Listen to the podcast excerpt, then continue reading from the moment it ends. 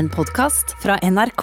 Fridtjof Jacobsen er prisvinner journalist, forfatter og musiker. Som frontfigur i rockebandet Glucifer har han over en tiårsperiode gitt ut fem album og turnert i inn- og utland. Som journalist har han fartstid fra NRK, Monster Media og som leder for kommentaravdelingen i VG.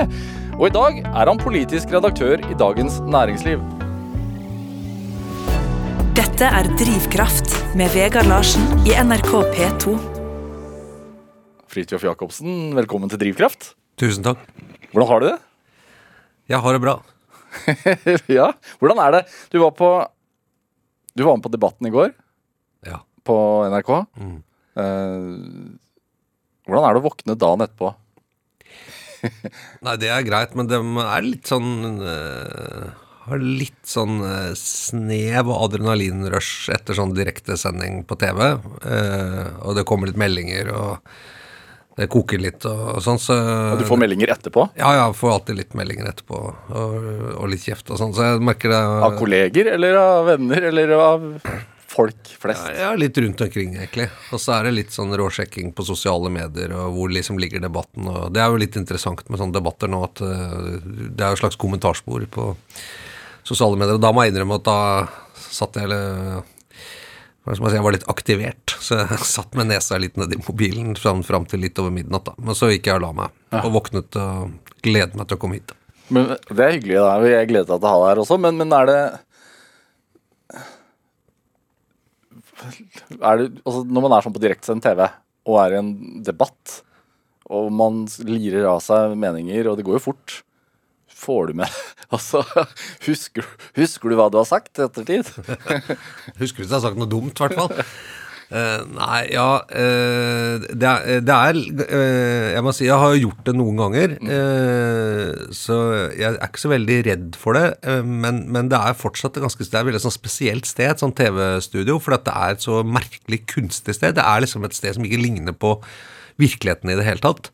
Eh, og og du, det er ganske stort, selv om det ser sånn smått og intimt ut på TV. Så du står veldig alene og nå med inne sånne, nesten sånne glassbur, og, og, og folk som plutselig begynner å snakke veldig rart. Og Fredrik Solvang, som er en hyggelig og omgjengelig type, plutselig er han veldig formell. Altså, det er liksom show med det. Så jeg, jeg må innrømme at akkurat sånn eh, direkte Ja, både radio i og for seg, men, men også TV, det, det er litt sånn det, det, ja, det er en ganske sånn live opplevelse. Altså du, man blir, får litt sånn adrenalin, kjenner at det går litt i beina. Og Det er litt eh, ja, Det er gøy, men eh, også litt krevende.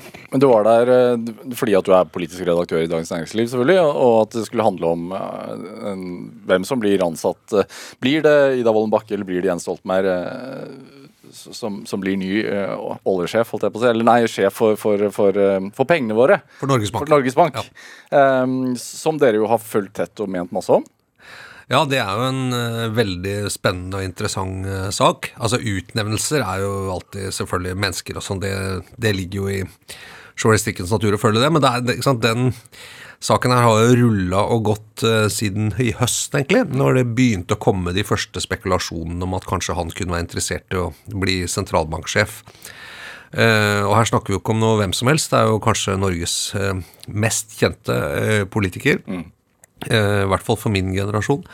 Og flere andre. Og, og det har jo utløst en, syns jeg, en veldig god og interessant og rik debatt om både om Norges Bank, om uavhengighet, om politikere som vender tilbake, om forbindelser, om vennskap, om habilitet. Altså det har vært en eh, veldig god, åpen, fri debatt. eh, knyttet til en ansettelse som jeg, som jeg syns har vært eh, ja, noe av det bedre jeg har sett. Og jeg syns det er veldig bra at man kan kunne diskutere det før stillingen ble besatt. Som regel så bare er det så mye hemmelighold og rare ting i sånne prosesser, og så er det en som får jobben, og så kan man liksom diskutere i ettertid, men da er det jo litt seint. Vi husker jo det fra Nicolai Tangen da han ble oljefondsjef, f.eks. var det en kjempegod, og interessant debatt om det, men det var liksom etter han hadde fått jobben. Nå har vi hatt den på forhånd, og det, det syns jeg er bra. Jeg synes det det har vært, eh, det har vært lurt da, at Jens Stoltenberg eh, på en måte har sørget for at vi har kunnet diskutere dette før stillingen ble besatt. Det tror jeg har vært lurt. Ja. Tror, ja, Så du føler han har sørget for det selv? Han har i hvert fall ikke motsatt seg det, tror jeg. Vi, vi skrev en sak i, i DN i november der vi hadde fått greie på at han hadde luftet dette med en del sentrale folk i norsk samfunnsliv. og Og det kunne vi få bekrefta fra flere, at dette var noe han liksom hadde eh, snakket åpent om med, med, flere folk. Og nå har vi jo sett de siste dagene at han har jo nevnt det på middager og sånn i det hele tatt. og da, da var det ute. Det ble jo ikke dementert, eh, og det viste seg jo å stemme. Og han søkte jo helt åpent og var på søkeliste og alt mulig. Så jeg, jeg syns dette har vært veldig bra. og det Relativt åpen prosess, da. Ja, det, må, ja, det er mye mer åpen enn det pleier å være. Ja, du Løpet seg kjørt ut for Stoltenberg, skrev du her om dagen. da. Ja. Så er det Er det litt skummelt å, å, å mene det såpass bastant når du tydelig, det, hvis, hvis, du tar feil, så tar du veldig altså det, Alle ser at du har tatt feil. Ja. Ser kjørt ut er jo litt lite forbehold, da. ja. Nei, men eh, det, det, er sant. Men jeg tror som eh, kommentator og, og journalist, så, så, er vel litt av jobben at folk lurer på Det er mange som spør meg Hva, tror du han får jobben. Får han jobben? Altså sånn på privaten. da. Ja.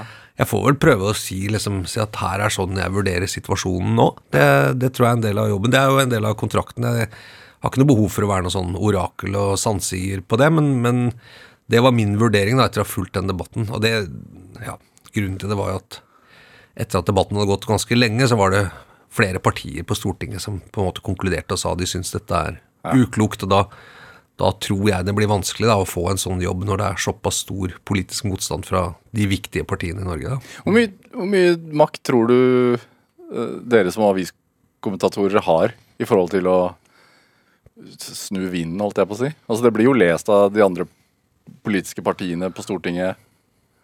Kan jo være med å påvirke i hvilken retning de vender nesa, holdt jeg på å si? Ja, jeg, jeg tror eh, argumenter, gode argumenter, har makt i ja. samfunnet. Ja. Enten de blir fremført av aviskommentatorer eh, eller av eh, politikere eller av uh, interesseorganisasjoner eller grupper eller andre, men, men, gode argumenter har fortsatt makt til å flytte opinion og stemning og mening. Eh, mennesker eh, som f.eks.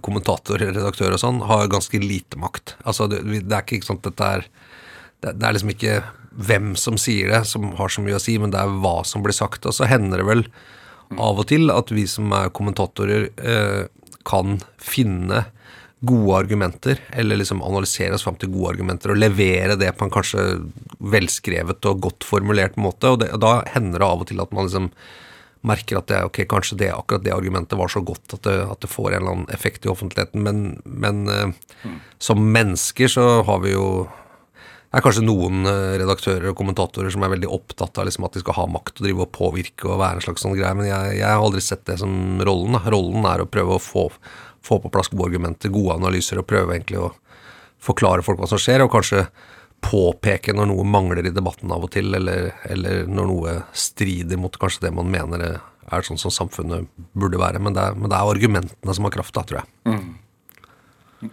Hvor lenge let... Altså, du har skrevet tre eh, kommentarer på, som har vært på trykk siden nyttår. I hvert fall det jeg har sett. Ja, det kan hende. Jeg, jeg, teller ikke, men jeg klipper dem ikke ut heller og putter dem i en bok, som noen gjør. Men, har du gjort det noen gang? Nei. Aldri? Jeg, da jeg begynte å kommentere, så var vel avisen på vei over i det digitale, da, i 2007. Så ja, jeg forholder meg ikke mest til nett, men ja. ha, har, Vet du om uh, Jeg tror ikke moren min klipper ut engang, så det er litt synd.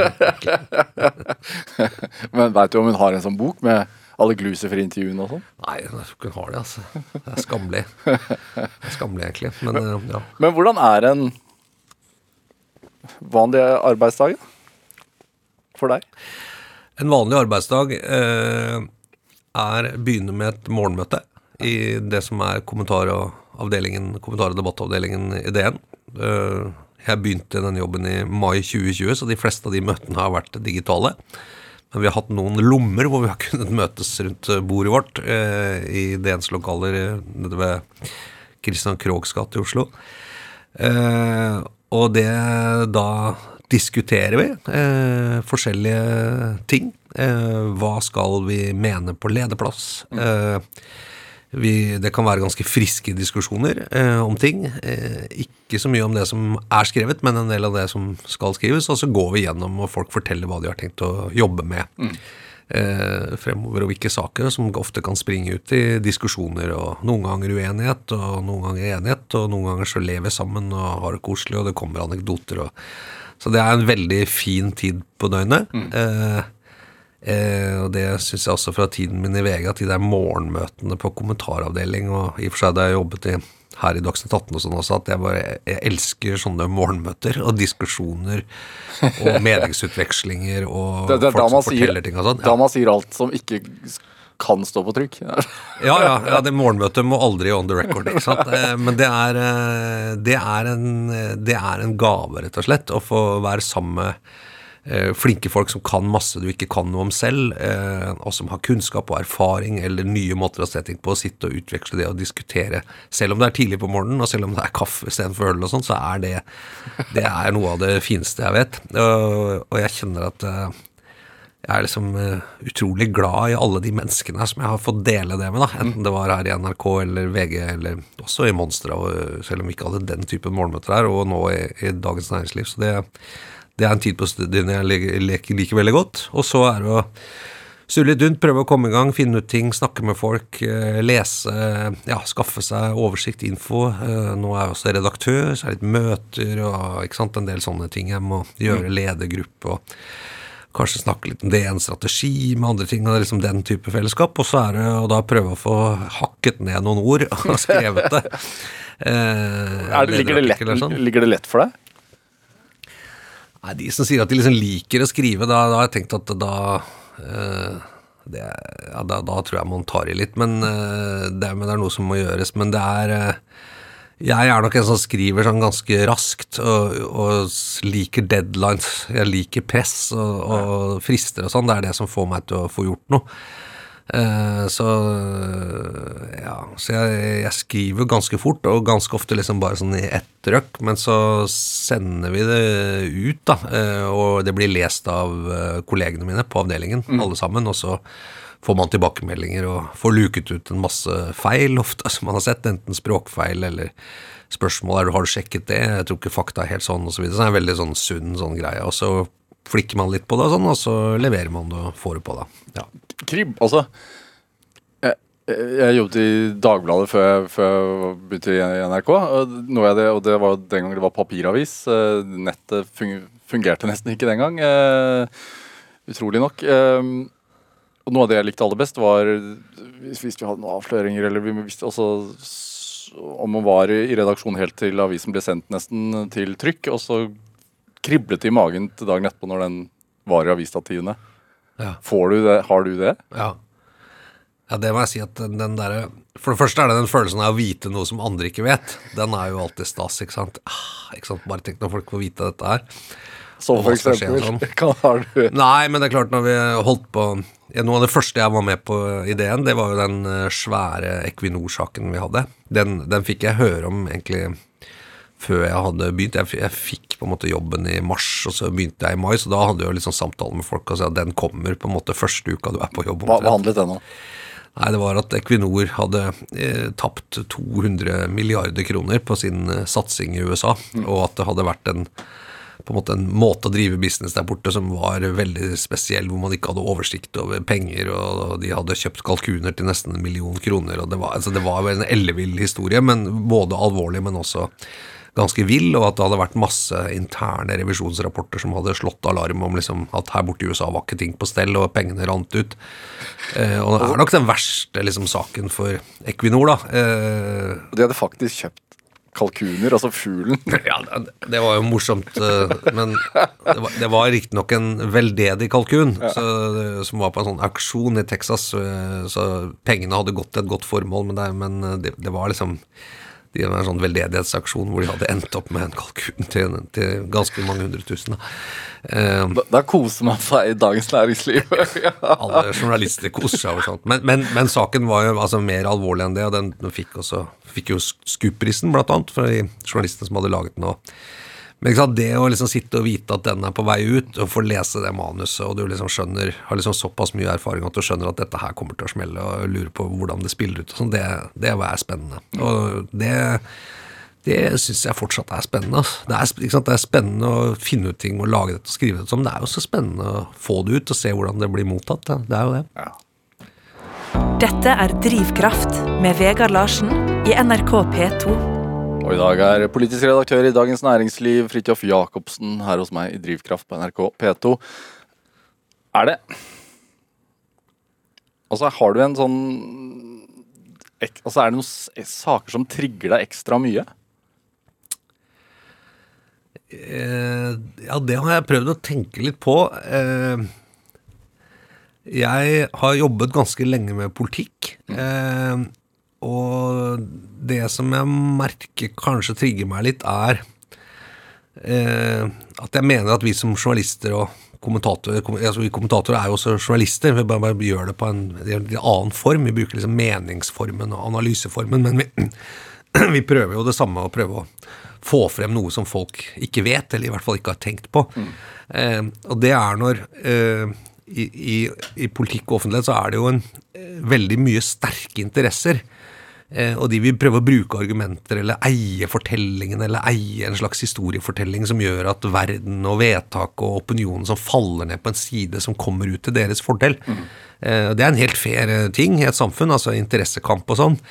Men hvis man som journalist føler at Eller noen ganger tenker jeg sånn Her er det noe som ikke blir fortalt, eller her er det noe som blir manipulert. Er det noen som prøver å liksom lage en historie som faktisk ikke stemmer? At man kan prøve Eller her er det ting som mangler. Eller det er en logisk brist, eller det er den type ting. Eller det er litt øh, omtrentlig omgang med sannhet, eller den type ting. Så, så merker jeg at det blir en slags trigger i det.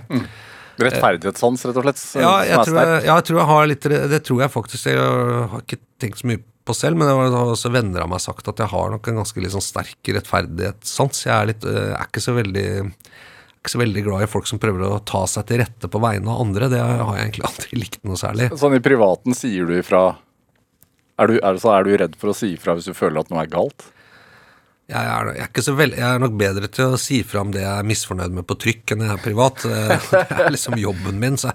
Men, eh, men jeg er jeg har, Altså, av vennene mine, og de har vokst opp med sånn, så, er, så har jeg nok er de fleste av dem er jo grunnleggende ganske opptatt av liksom rettferdighet og være ålreit med hverandre. Jeg er jo jeg tror jeg egentlig kanskje liker snille mennesker.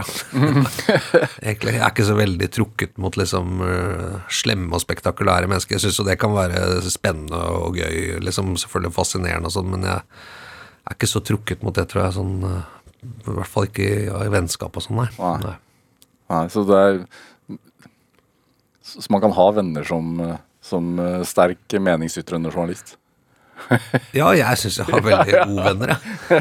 Jeg, jeg syns det. Jeg har ganske mange venner som driver med helt andre ting enn en journalistikk og politikk, eh, heldigvis. Det, men, de, men som er opptatt av samfunnet og sånn. Men eh, ja. Men er det, altså, Du har engasjert deg sterkt i, i, i metoo-saker, blant annet.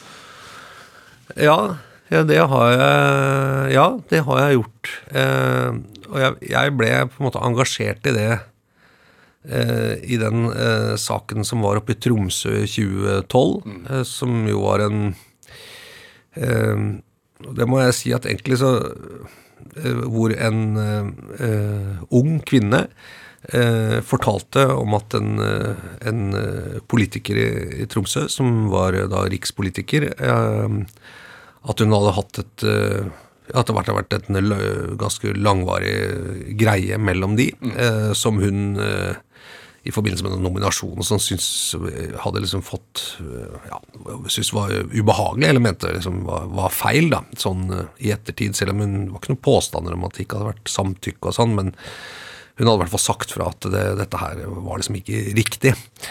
Eh, og, og det hun opplevde da, var at eh, hennes eh, identitet og navn ble, ble blåst i eh, en av lokalavisene der oppe og i et par riksmedier. Ja, Det var et veldig kjør mot henne på sosiale medier. Det var liksom funnet frem bilder hvor hun hadde på seg en eh, sånn selskapskjole som eh, var litt sånn eh, ja, også utfordrende, eller hva man skal si. Altså se her, og liksom det var jeg synes det, og da, da syns jeg det var veldig Først syntes jeg det var veldig spesielt liksom, at man skulle blåse den identiteten og sette det inn at dette var bare et politisk spill og liksom et uh, bakholdsangrep på, på, han politikeren for at ikke han skulle bli nominert osv. Det, kunne, det hadde liksom bare det elendige og utspekulerte motivasjoner for å si fra om dette. Uh, og jeg syns jeg ble utsatt for et veldig sånn kjør. Mm. Uh, og det engasjerte meg, og så endte dette i en sånn debatten-greie på NRK hvor jeg, jeg og jeg ble veldig ja, jeg ble veldig sint, altså, rett og slett. Så jeg ble så sint så jeg nesten begynte å gråte. Eller for jeg fikk sånn tårer i øynene som begynte sånn å skjelve i stemmen. Det var nesten Jeg mista litt kontrollen over meg selv, for jeg syntes det var så urimelig, det som skjedde. Det var, jeg husker det som trigget meg, var at jeg hadde invitert en dame som som sa at liksom det å ha forhold til eldre menn kunne være noe vakkert, bare man skjønte det selv. og sånt. Sånn, det var liksom en psykologisering av liksom hennes opplevelse som hun ikke var der selv, som jeg syntes var helt uh, mm. altså var helt vill å ha på TV. Så da, da klikka det litt, da. Så da, da ble det en del styr. Men det, det, altså, i forhold til å bli personlig engasjert, er det å vise menneskelighet, da, å, bli, å ha empati, og, er det viktig i yrket? Er ikke det viktig i livet, egentlig? Ja. Jeg, jeg, jeg, tror det. altså Empati og evnen til å på hvert fall leve seg inn i litt da, til en viss grad i hvordan ting er for andre. Man, man, kan, ikke, man kan, ikke, gjøre det, det helt inn til det selvutslettende, for at, men man må jo liksom erkjenne at man også har egne interesser. og Det er ikke alltid liksom at verden er helt enig med, med, deg, og at det som er bra for deg, er liksom noe som alle andre syns er veldig ålreit. Kanskje man skal gjøre det likevel. Det, det, det, tror jeg liksom kan komme i sånne situasjoner. Men, men, hvis man eh, Jeg tror liksom det å ha en viss sånn tanke på at man lever i et samfunn med andre, og at det man gjør, har konsekvenser for andre og sånn, det, det det er i hvert fall når jeg, når jeg, opplever at jeg har glemt det, da, da skammer jeg meg. Det, det, må jeg si. De gangene i livet jeg liksom ikke har sett det, eller, eller handlet på en måte som jeg skjønner i ettertid har vært uh, fæl for andre, så, så det, ja, det er liksom det jeg skammer meg over. Mm. Mm. Det må jeg si. Har du noe sånn mål hver dag med, med, jobben? Nei. Nei. Bli ferdig. og, det, og det også jeg liker med journalistikk. Jeg er jo egentlig utrolig dårlig på sånn uh, planer Vi er blitt målt på sånn Big Five personlighetstest. Det ble liksom alle ledere i DN blitt. Og, og overraskende, overraskende mange av oss er veldig sånn ekstremt dårlige på planmessighet. det har vi ledd mye av. Nei, så Jeg er veldig, er veldig glad i denne jobben. Jeg har vært helt fra jeg begynte at det var sånn Ja, du begynner Det er helt, ikke sant Dagsnytt 18 var tom sending ikke sant, på morgenen. Og ja. når du går, så har du lagd sending, du er ferdig. Og så begynner du dagen etterpå, da begynner du helt på nytt igjen. Altså Du blir ferdig hver dag. Eh, det liker jeg veldig godt. Sånne ting som tar veldig lang tid å bli ferdig med, det er jeg ikke så god på. du, du, du, sa jo det at du begynte jobben som ideen 2020, og så har det vært pandemi hele veien nesten etter. Ja. Hvor mye mister man som politisk kommentator når barer og sånn er stengt?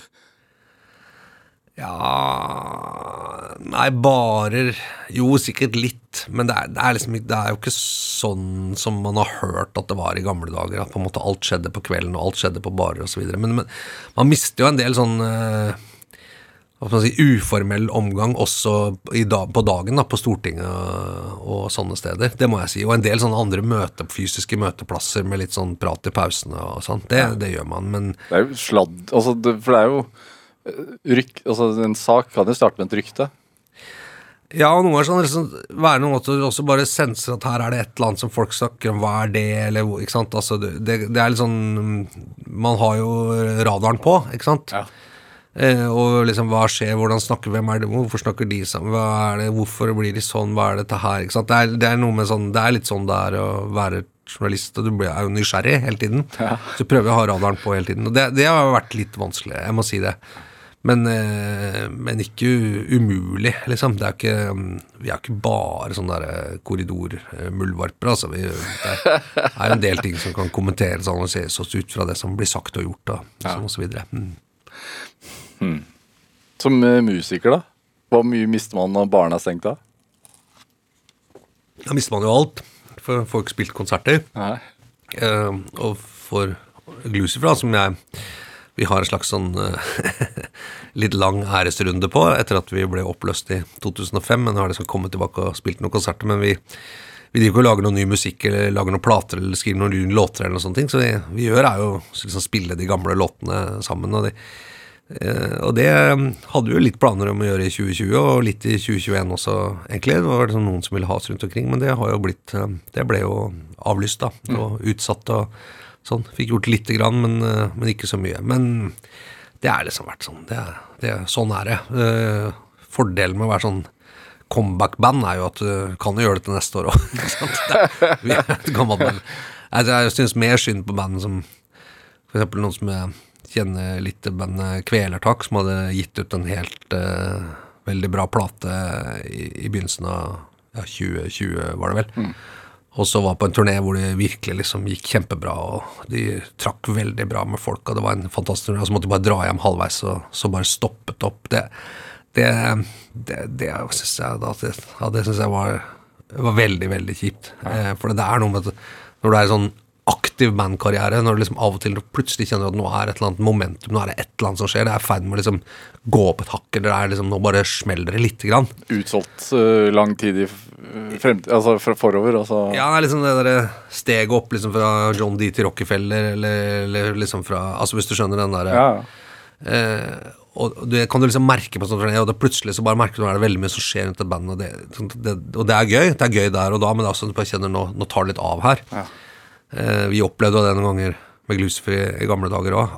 Og, det å liksom få det avbrutt av en så teit ting som pandemi, altså det bare, og som varer så lenge, så er det, det Da følte jeg med dem, for å si det sånn. Det, det syns jeg. Men eh, de, de kommer nok tilbake og klarer seg. Det er jo fortsatt veldig kult og bra band, så det, det går sikkert bra, men det var bare så tenkte liksom du er på en sånn turné hvor det bare ah, Nå er det skikkelig bra. Og så bare Nei, nå må du hjem, da.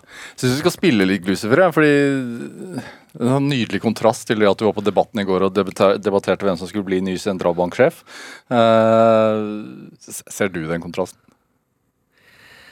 Eh, nei, jeg er så vant til den.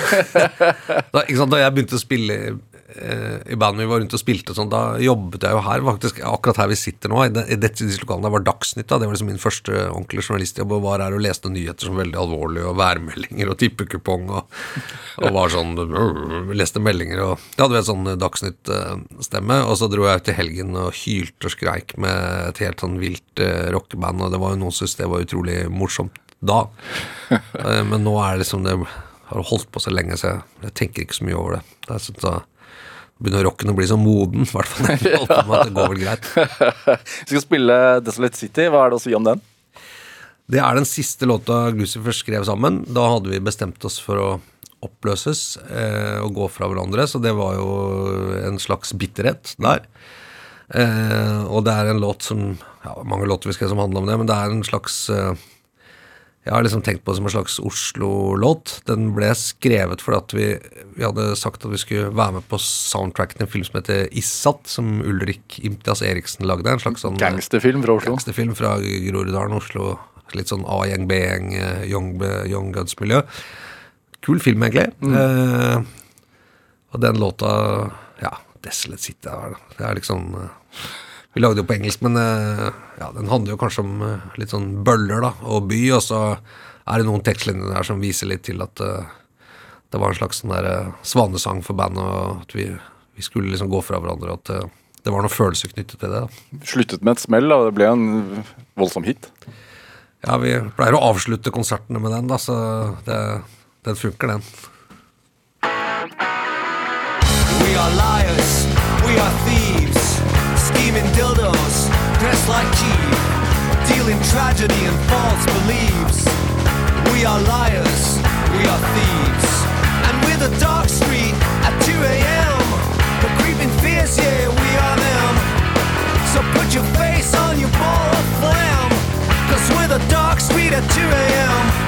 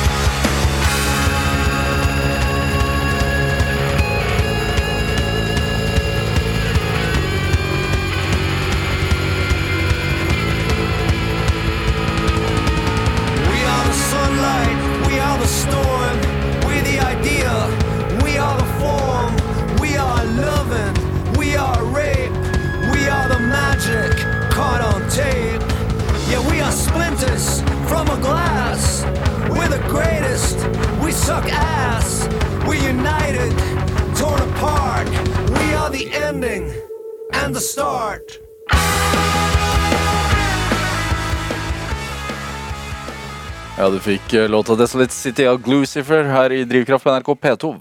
En låt vi spiller i dag fordi at eh, frontfiguren, vokalisten i Glucifer, Fridtjof Jacobsen, er dagens gjest her i Drivkraft.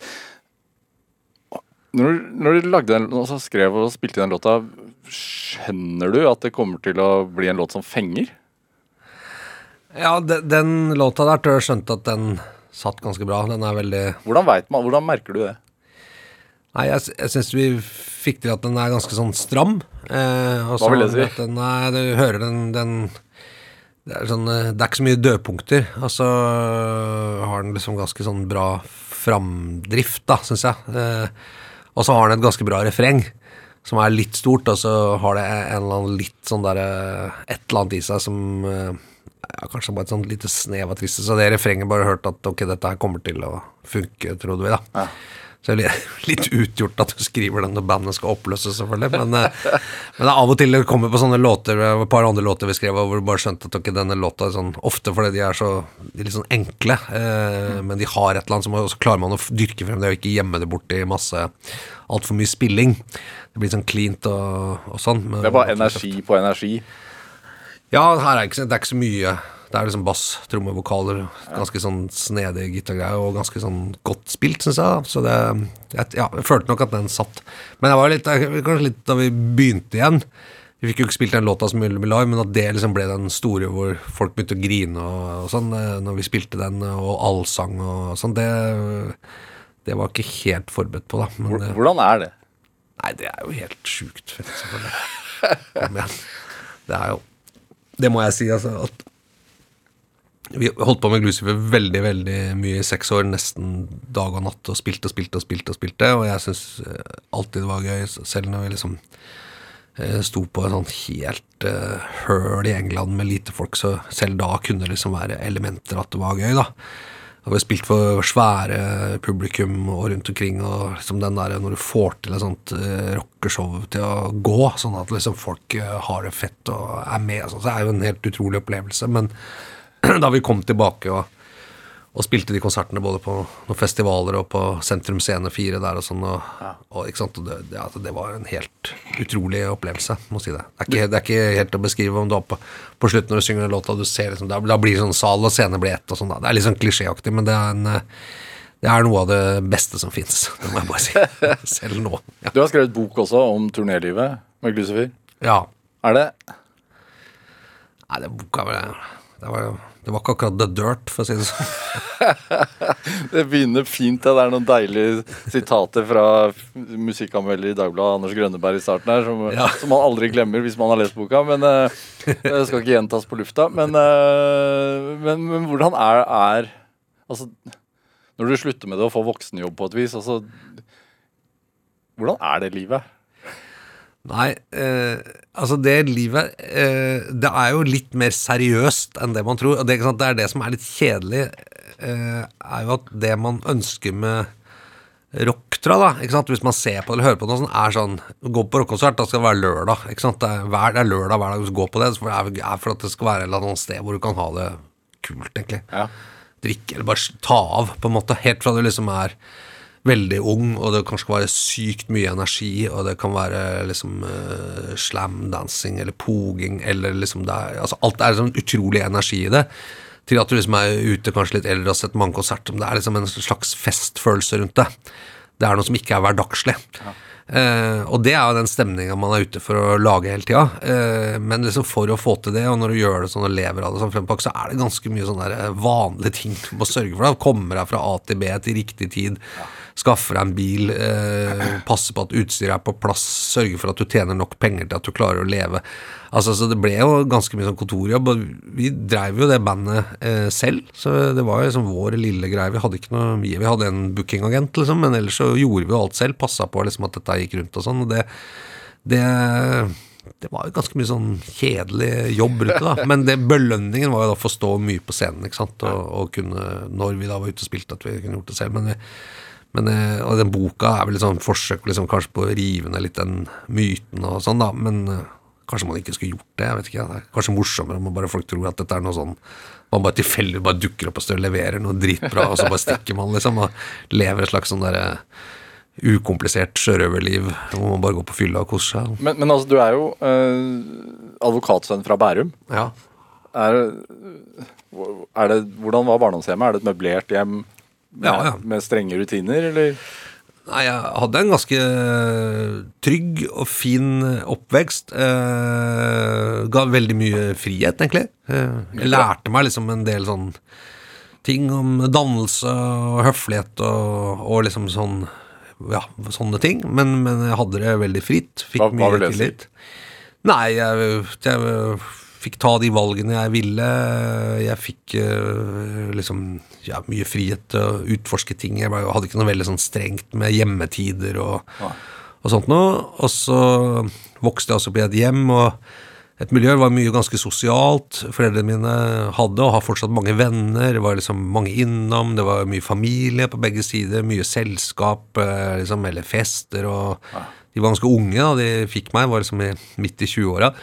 Eh, og, og det var liksom veldig mye språk og veldig mye gøy og humor og mye leing og taler. Og liksom veldig måte både av familien eh, min og, og av vennene til foreldrene mine og sånt. Det var veldig morsomme folk, språkmektige folk. Og vi hadde sånn familie vi alltid var på hytta med liksom i påsker og ferier hvor det var liksom veldig mye gøy. Og, men veldig mye språk, da, faktisk. Veldig mye sånn Hva, hva vil det si? Nei, det var mye vitser og mye sånn språklig moro, på en måte. Eh, det var liksom prata mye og lo veldig mye og hadde mye sånne ord og uttrykk og humor og vitser og sånn hele tida som gikk igjen, liksom, og vet bygger opp sånne Ja, nærmest som en sånn gjeng på en måte har sin egen måte å snakke på, og man ler sammen og sånn. Det var så, så jeg var veldig omgitt av det. Og så og det har jeg tenkt på ettertid. Og så leste jeg veldig mye, eh, både som barn og ungdom og etter hvert opp i 20 så leste jeg leste og leste og leste. Romaner, eller? Ja, romaner, biografier, historie som jeg, jeg leste Jeg tror det var en lang periode hvor jeg, aldri, jeg kunne ikke legge meg i senga og sove uten å ha en bok, så jeg måtte lese, le, og var veldig glad i å lese. Leste veldig mye. Jeg har dessverre jeg får ikke lese så mye nå. Det, det er den forbanna mobilen men, og liksom nyhetsnarkomanien som har tatt meg der. Men, eh, men jeg tror jeg var liksom veldig omgitt av mye språk, da. Så det tror jeg, det har jeg nok sett. og Far min hadde sånn, sånn hyttebøker. Han var ganske god til å skrive og glad i å skrive og sånn. Så, så det, det vokste opp med. da. Der kan det vel ligge en slags eh, kime til det det ble av meg til slutt. da. Men lærer man den nysgjerrigheten, eller er det Eller er man sånn? Nei, jeg vet ikke. Jeg, jeg tror jeg bare Jeg har vært veldig sånn vitebegjærlig hele livet. Jeg er sånn øh, Og øh, jeg kan være grusom i sånn der Trivial Pursuit og quiz og sånn. Altså, jeg, jeg vet så mye som tull. Eh, så jeg Det eneste som frustrerer meg, er Morgenblad-quizen, liksom. Eh, men jeg er jeg, jeg, jeg er ofte over tid, og jeg har skjønt at det er ganske bra på den quizen. Men Men er du da sånn at du skjønner Altså at du vil lære deg det bare for å kunne det? ja, det Vitebegjærlighet, og så er det Det er altså, trivielle kunnskaper. Altså hvorfor, hvorfor et hig etter det?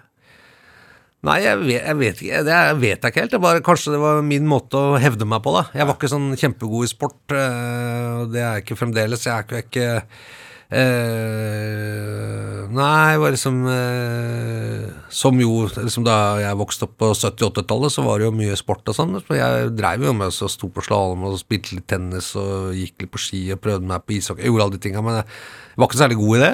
Eh, absolutt, var absolutt blant de dårligste på 60-meteren og, og sånt nå. Eh, så jeg vet ikke, jeg skal ikke psykologisere for mye, men jeg var ganske god på skolen da, sånn ellers. Hadde god hukommelse. Og så tror jeg egentlig jeg bare har vært sånn interessert i å liksom lese meg til ting. Eh, og, og, og lære om, om verden og sånn gjennom det. Eh, Hadde du kjeften? ja, det har jeg vel hatt, da. Innimellom. Tror jeg det. Det er, ikke, det er sikkert ikke helt tilfeldig at jeg liksom lever av å prøve å finne ut av ting, og så meddeler om det etterpå. Det, det er vel en eller annen sammenheng der, da. Ja, men også et behov for å altså Fordi jeg har forstått det sånn at du hadde et ønske om å bli skuespiller. Ja. Veldig glad i å opptre, ja. ja. ikke sant? Eh, og det kom ja, litt på barneskolen, men særlig oppover på ungdomsskolen. Da jeg gikk på Østerås ungdomsskole, så hadde vi en helt eh, fenomenal sånn dramalærer. Kunne ta drama i valgfag, og det var litt kult. da, Vi som syntes vi var litt kule, vi, vi tok det. Eh, og der hadde vi en lærer som het eh, Ginny Virginia, tror jeg hun het Seeger. Hun var engelsk og gikk i sånne ja, litt sånne abfab-klær, på en måte. Hun var så kul, og hun, eh, hun hadde de dramatimene med oss. Og så satte vi opp en sånn musical som het Hair, som hvis ja, alle husker den, ikke sant? Ja. Rock- rockemusikalen. Aquarius, ja, hippie, frikemusikalen. Eh, og dette var jo sånn ja, rundt 84 eller sånt. da vi hadde jo langt hår og liksom var, gikk i frakker og følte oss jævla kule, da. Hørte på, på særmusikk. Eh, så det, det var jo kjempegøy. Men det ble en veldig bra oppsetning, og det syns jeg var utrolig kult. Og så på videregående så begynte å spille i band, og, eh, og endte med å synge, for jeg var så fenomenalt dårlig til å spille gitar. Jeg og var ikke lagd for det i det hele tatt. Eh, og trommer, det var jeg ikke så veldig grei på, men synge, det kunne jeg litt. Og så og holdt på med det, og revyer, russrevy, forskjellige sånne ting. Så jeg var veldig gira på det, og begynte på Romerike folkeskole og hadde lyst til å liksom prøve meg for å se om jeg kunne bli skuespiller. Da, da hadde jeg liksom begynt å bli interessert i teater og, og sånt noe. Eh, Med behov for å bli sett? Var det det? Altså, eller? Det er jeg litt usikker på. Jeg tror jeg likte den prosessen veldig godt. Ja. Jeg likte den derre For eksempel å være med på sånn skolerevy som, som var sånn Du begynner liksom med ikke noe, og så lager man noe sammen. Altså Hele den prosessen opp mot forestillingen, og så spiller du det, og så får du liksom eh, feedback og applaus og ressurs. Men du har liksom jobba for det, og du, du blir en sånn lukka krets som holder på med noe sammen. og og lager noe som folk kan ha glede av, da, eller bruke tid på. det. Jeg likte det bare utrolig godt. Jeg likte det der sånn litt produksjon, hele greiene. Jeg syns det var veldig Elska de miljøene. Sånn der, ja, sånn, så, og det likte jeg så veldig godt med å gå på Romerike, der, som lage en teaterforestilling sammen, eller spille det sammen og, og sånt noe. Men jeg, jeg søkte på teaterskolen da, etter Romerike og leste med en sånn instruktør og sånn, men jeg, jeg var ikke god nok, altså. Det, det må jeg nok bare Jeg var liksom ålreit opp til et visst punkt, kunne ta det på selvtilliten, at jeg ikke er så nervøs for å stå på scenen, men eh, en del av det jeg gikk sammen med, var nok eh, var nok atskillig mer begava, så ja, så det ble ikke noe skuespiller av meg. Jeg tok, fikk spille, spille band isteden. Vi gir deg etter én gang, altså. Det er mange som har søkt sånn fire-fem. Og endelig kommet inn. Ja, jeg er en quitter. Nei, Nei så drev jeg litt og lurte på meg Jeg var, sånn, tenkte jeg var sånn interessert i litt sånn regi, så jeg drev og øh, var både litt sånn instruktør på noen revyer sammen med Hanne Tømta, faktisk, som senere ble sjef på Nationaltheatret, så hun gikk jo forbi meg, hun òg. Eh, og så satte vi også opp noe stykke på, på, for Studentsamfunnet på, kjelleren på Chateau Neuf. Satte opp Amadeus, det er et stykke om Mozart, som ble bra, altså. Med flere folk som siden har gjort det bra. Atle Antonsen var med, blant annet. Og, Spilte? på Romerike med. Ja, han var han, var han pompøse keiseren. Eh, og Jan Seli, som er en veldig flink skuespiller på Nasjonal. Og, så ja, det var, og det var også veldig gøy, men så Det var liksom Det ble band, altså. Det var det som, som tok meg. Men med sminke og sånn, da. Hva da, i bandet? Ja. Nei, jeg, Aldri. nei, jo, det var vel noe videoer sånn på slutten her hvor vi kjørte på litt eyeliner og sånn, men, men vi var veldig sånn uh, Vi gikk liksom i boblejakker og dritstygge sånn pirat-converse, og det, det var liksom, skulle være litt sånn derre gate ja, usminka, på en måte. Mm. Det var liksom Det var sånn, sånn, sånn punk-attitude på det, tror jeg. Ja. Hvor vesentlig tenker du at det er for en sånn identitetsbygging å finne et sånt Finne en greie som rock, da, eller et bandmiljø? Da jeg vokste opp, så var musikk eh, ekstremt identitetsbyggende, og, en, og en port inn til nesten alt annet av kultur. Både til bøker og filmer og, og uttrykk og, og på en måte nesten sånn eh, innstilling til livet. Ja. Hva du hørte på, eh, det definerte jo nesten hvem du var. ikke sant? Og, og musikk, eh, det var liksom det, det var de største opplevelsene, enten på plate eller etter hvert når vi kunne begynne å gå på konserter, og kanskje noen ganger snike oss inn. Jeg skulle klart å snike oss inn på Nick Cave på Sardin, som det het, under konserthuset der i 1986, så kom det utrolig svartkledde stedet. liksom, da, var, da så rocken ganske skummel ut i Oslo. ass. Det var ikke som i dag. Og, Og vi var 16-17 år, og på en eller annen måte hadde vi klart å lure oss inn der. Ja, det hadde vi jo ikke lov til. Vi var livredd for å bli kasta ut av han dritstore dørvakten. og var og kjøpte en øl av en sånn dame med sånn full goff-uniform. Og hadde lest om det stedet i musikkaviser. Det var veldig sånn mytisk. Og så kommer Nick Cave eh, sant, helt ute på heroin med det ville bandet sitt og noen sånne superspisse sko og bare står og brøler i den mikken. Det er så høyt og jævlig. og Utrolig opplevelse. Så det var jo verdens kuleste fyr på skolen dagen etterpå når du hadde vært og sett på det der. Og, så, så, altså, det, altså, alt det der var det var bare helt sånn utrolig definerende opplevelse. Jeg var hele tiden på jakt. Hvem hadde de kuleste skivene? Hvilke folk var det? Kunne man høre på musikk? Man snakka om musikk, man utveksla kassetter. Man gjorde det. Etter hvert begynte å spille selv og mm.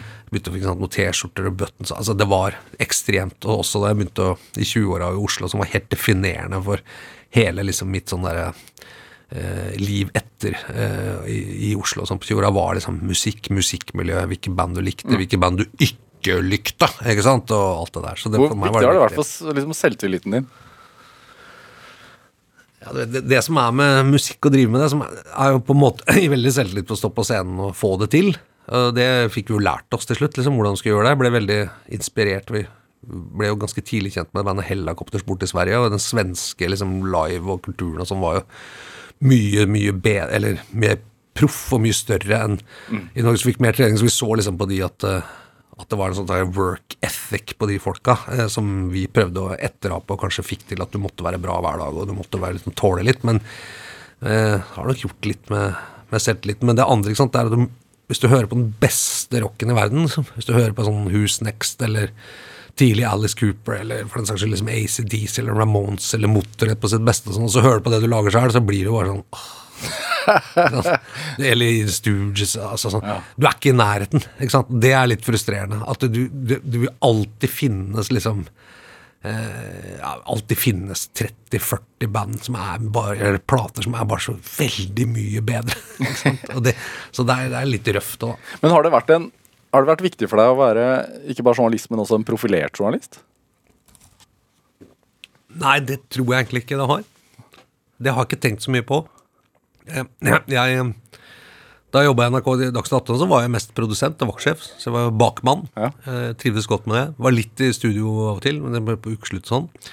Og så fikk jeg jobb som kommentator i VG. Og, og da må jeg innrømme at jeg har tenkt hva er det jeg gjør nå? Jeg kan, altså, kan jeg noe om dette? Jeg kan jo en del liksom, samfunnet gjennom å ha jobba med det. Så skal jeg begynne å skrive. Og satt der med Anders Giæver, som ga meg den jobben, og som var utrolig viktig for meg, da, fyr i mitt liv. At han turte å gi meg den sjansen. og også på en måte lærte meg veldig mye. Og hatt, han er jo blitt en venn og en av de kjempegode kollegaene gjennom mange år. Dere har lagde podkasten ja, Jæver og Joffen. Ja, ikke sant. Ja. En fyr som og også var jo fra en generasjon som jeg på en måte hadde lest, og han liksom var god kompis med Michael Krohn, og var liksom med i hele den der første Oslo rockbølgen. Så det.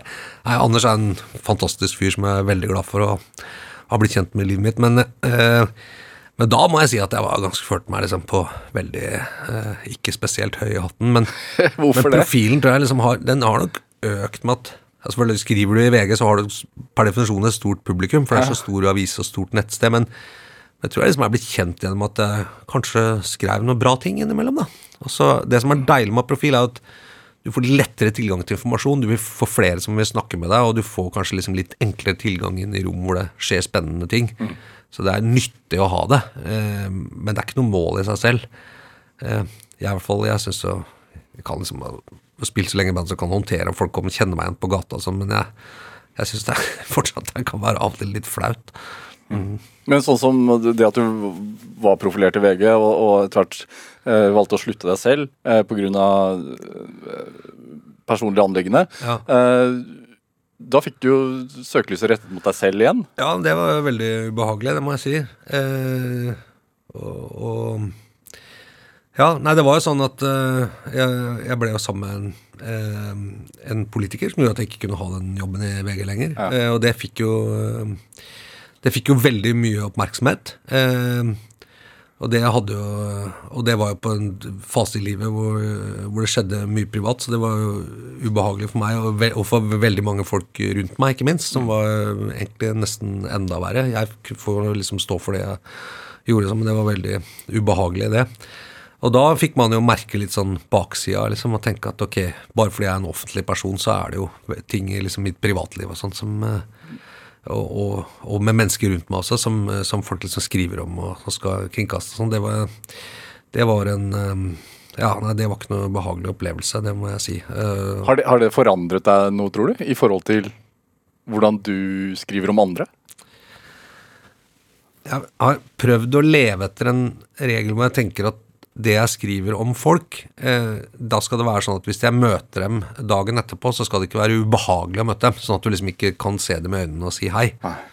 Det har jeg prøvd å tenke som en sånn leveregel for skriving, at der skal grensen gå. Så tror jeg, ikke, tror jeg noen ganger at det kanskje har gått over den. Og poenget er at sant, du vet litt at jo hardere du klemmer til mot folk, og jo skarpere du er i personangrep, og sånn, jo mer interesse får du, og flere leser. og sånn, så det, det, det ligger liksom der for å liksom guffe opp litt. Eh, men, men det har jeg prøvd å tenke på, og så eh, kanskje jeg eh, Og så har jeg altså det, tenkt at altså, Av og til så skriver man om mennesker. Altså, man må liksom tenke litt om det. Og så er det klart at skriver jo stort sett om vervene og hvordan folk skjøtter liksom, viktige verv. Statsminister, eh, ikke sant. Eh, eh, regjeringsmedlem, opposisjonsleder, dommer. Altså ting, folk med veldig mye makt som de forvalter på vegne av fellesskapet. Så det skal være kritisk og røft og konfronterende. Du kan ikke holde igjen.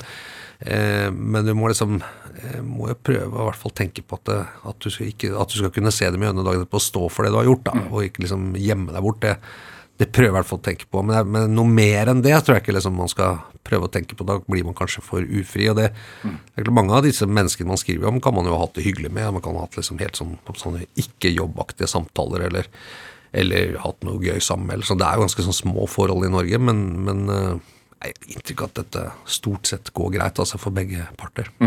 Men er det, hender det at du er litt sånn Ikke dårlig samvittighet, men altså at du, du gruer deg til at uh, her, Jeg, jeg veit jeg må mene dette, her, men det gjør litt vondt å sette det på trykk. Nei, det er ikke så ofte det lenger nå, men, men det er kanskje man tenker, sånn, tenker litt på sånn at noen ganger, hvis det er liksom veldig mange som mener det samme, så har jeg noen ganger tenkt at ja, skal jeg, har jeg noe annet å si enn det som allerede er sagt. Skal det liksom alle liksom kjøre på? Skal det være full sånn vegg av liksom helt sånn eh, Hvor alle sier det samme, og alle står i kø for å fordømme? Og noe, og noe jeg synes er litt deilig det ene er liksom at jeg tror at mange av de kollegene jeg har der, har liksom har, har vært litt nøye med at vi, skal, vi skal komme med informasjon, vi skal komme i hvert fall med nye analyser, nye vinklinger. Liksom, det, er ikke, det er ikke bare liksom å, å klemme på med patos, da. Eh, og det, det syns jeg har vært litt sånn nyttig, eh, korrekt så mye å tenke på. Også fordi at mange av de som jeg jobber sammen med og er leder for, de er så ufattelig kunnskapsrike folk. Og så er veldig gode til å liksom, formidle det og skrive den typen kommentarer. Så jeg har prøvd å strekke meg litt etter det, da. Men det, eh, de kan jo veldig mye om økonomi og sånne ting som er ganske konkret. Men jeg, det jeg kan jo kanskje mest om politikk, som er jo en litt sånn mer, mer sånn fussy del og mer sånn irrasjonell del av virkeligheten, og som har ganske mye med mennesker å gjøre. og Sånn, ja. Er det Syns du fremdeles det er spennende? Ja, syns det er veldig spennende. Jeg gleder meg til å gå på jobben hver dag. Ja. Jeg må si at eh, det, det gjelder nesten alt jeg har gjort, enten det var band eller tilbake, så tenker jeg at jeg har vært utrolig heldig. Da. Jeg tror jeg har hatt en ganske flaks ved noen sånne steder i livet som har gjort at jeg har havna eh, veldig morsomme steder, men så, så, og fått sjansen. Eh, og det er jeg sånn, så takknemlig for Anders Giæver, som jeg sa, og så Olav Verstå, som var med ansatt, at de ga meg sjansen. Men så, men så tror jeg altså at jeg på en måte har brukt de sjansene jeg har fått, Ja. til å gjøre noe bra med det. Det er ikke bare sånn at jeg har fått alt opp i hendene. Jeg har jo jobba litt for, for å ha dette her og, og utvikle meg og tatt det alvorlig, enten det var band eller journalistikk eller andre ting. Men, men jeg har fått noen sjanser, da, og det, og det er jeg veldig takknemlig for. Så litt flaks tror jeg jeg har fått, og så har jeg prøvd å bruke den flaksen så godt jeg kan. Da. Ja. Og aldri snakk om å bli advokat, altså. Nei, det var jo ja, det var jo det en stund. Jeg var liksom født til det. Da. Faren min er advokat, og farfaren min var advokat, og onkelen min var advokater, og alle vennene til min far og mor var det masse advokater. Og, så, så jeg var liksom født inn i det. Groomed, som det heter. Men, ja. men eh, det, det ble ikke sånn, da. Jeg, jeg tror kanskje da de tok jussen sånn på 60-tallet, så var det kanskje litt morsommere og litt friere, og de var mye i retten og sånn. Jeg tror det klart å være i retten og sånn, det er sikkert kjempegøy, det. Jeg, jeg kunne sikkert synes det var moro. Jeg har vært i noen rettssaker eh, som tilhører, Eh, men eh, Og jeg syns jo den eh, er en utrolig fascinerende virkelighet. da. Ekstre- altså, hvis du er glad i argumenter, det er jo fantastisk. det. Lærte å argumentere hjemme, kanskje. Argumenter, og språk, det er fantastisk. Ja. Fridtjof Jacobsen, hva tenker du er drivkraften din, da? Jeg er glad i å lage ting. ja. Jeg tror det. det er Min drivkraft er å få gjort noe, og lagd noe som er konkret. Enten det er en artikkel eller eh, et radioprogram eller en TV-serie som jeg fikk lage, være med å lage Monster. Ja, eller Estonia, låter eller en konsert eller sånt. Jeg, jeg er glad i at det blir noe konkret. Det liker jeg. Og så er jeg har skjønt at også veldig glad i å jobbe sammen med andre og være i fellesskap hvor man liksom kan eh, la det koke litt eh, oppi hodene. Eh, det, det er det som eh, driver meg, tror jeg, sånn yrkesmessig i hvert fall. Kommer å sette dagsorden på andreplass. Ja. Ja, ja, ja, egentlig. Jeg prøver ikke å reflektere så mye over det. Altså. Men, eh, for det høres litt sånn pompøst ut, kanskje. Men jeg, jeg, tenkte ikke, jeg har ikke prøvd ikke å tenke så mye over det. Fridtjof Jacobsen, tusen takk for at du kom hit til Drivkraft. Takk for meg.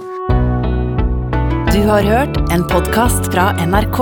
De nyeste episodene hører du først i appen NRK Radio.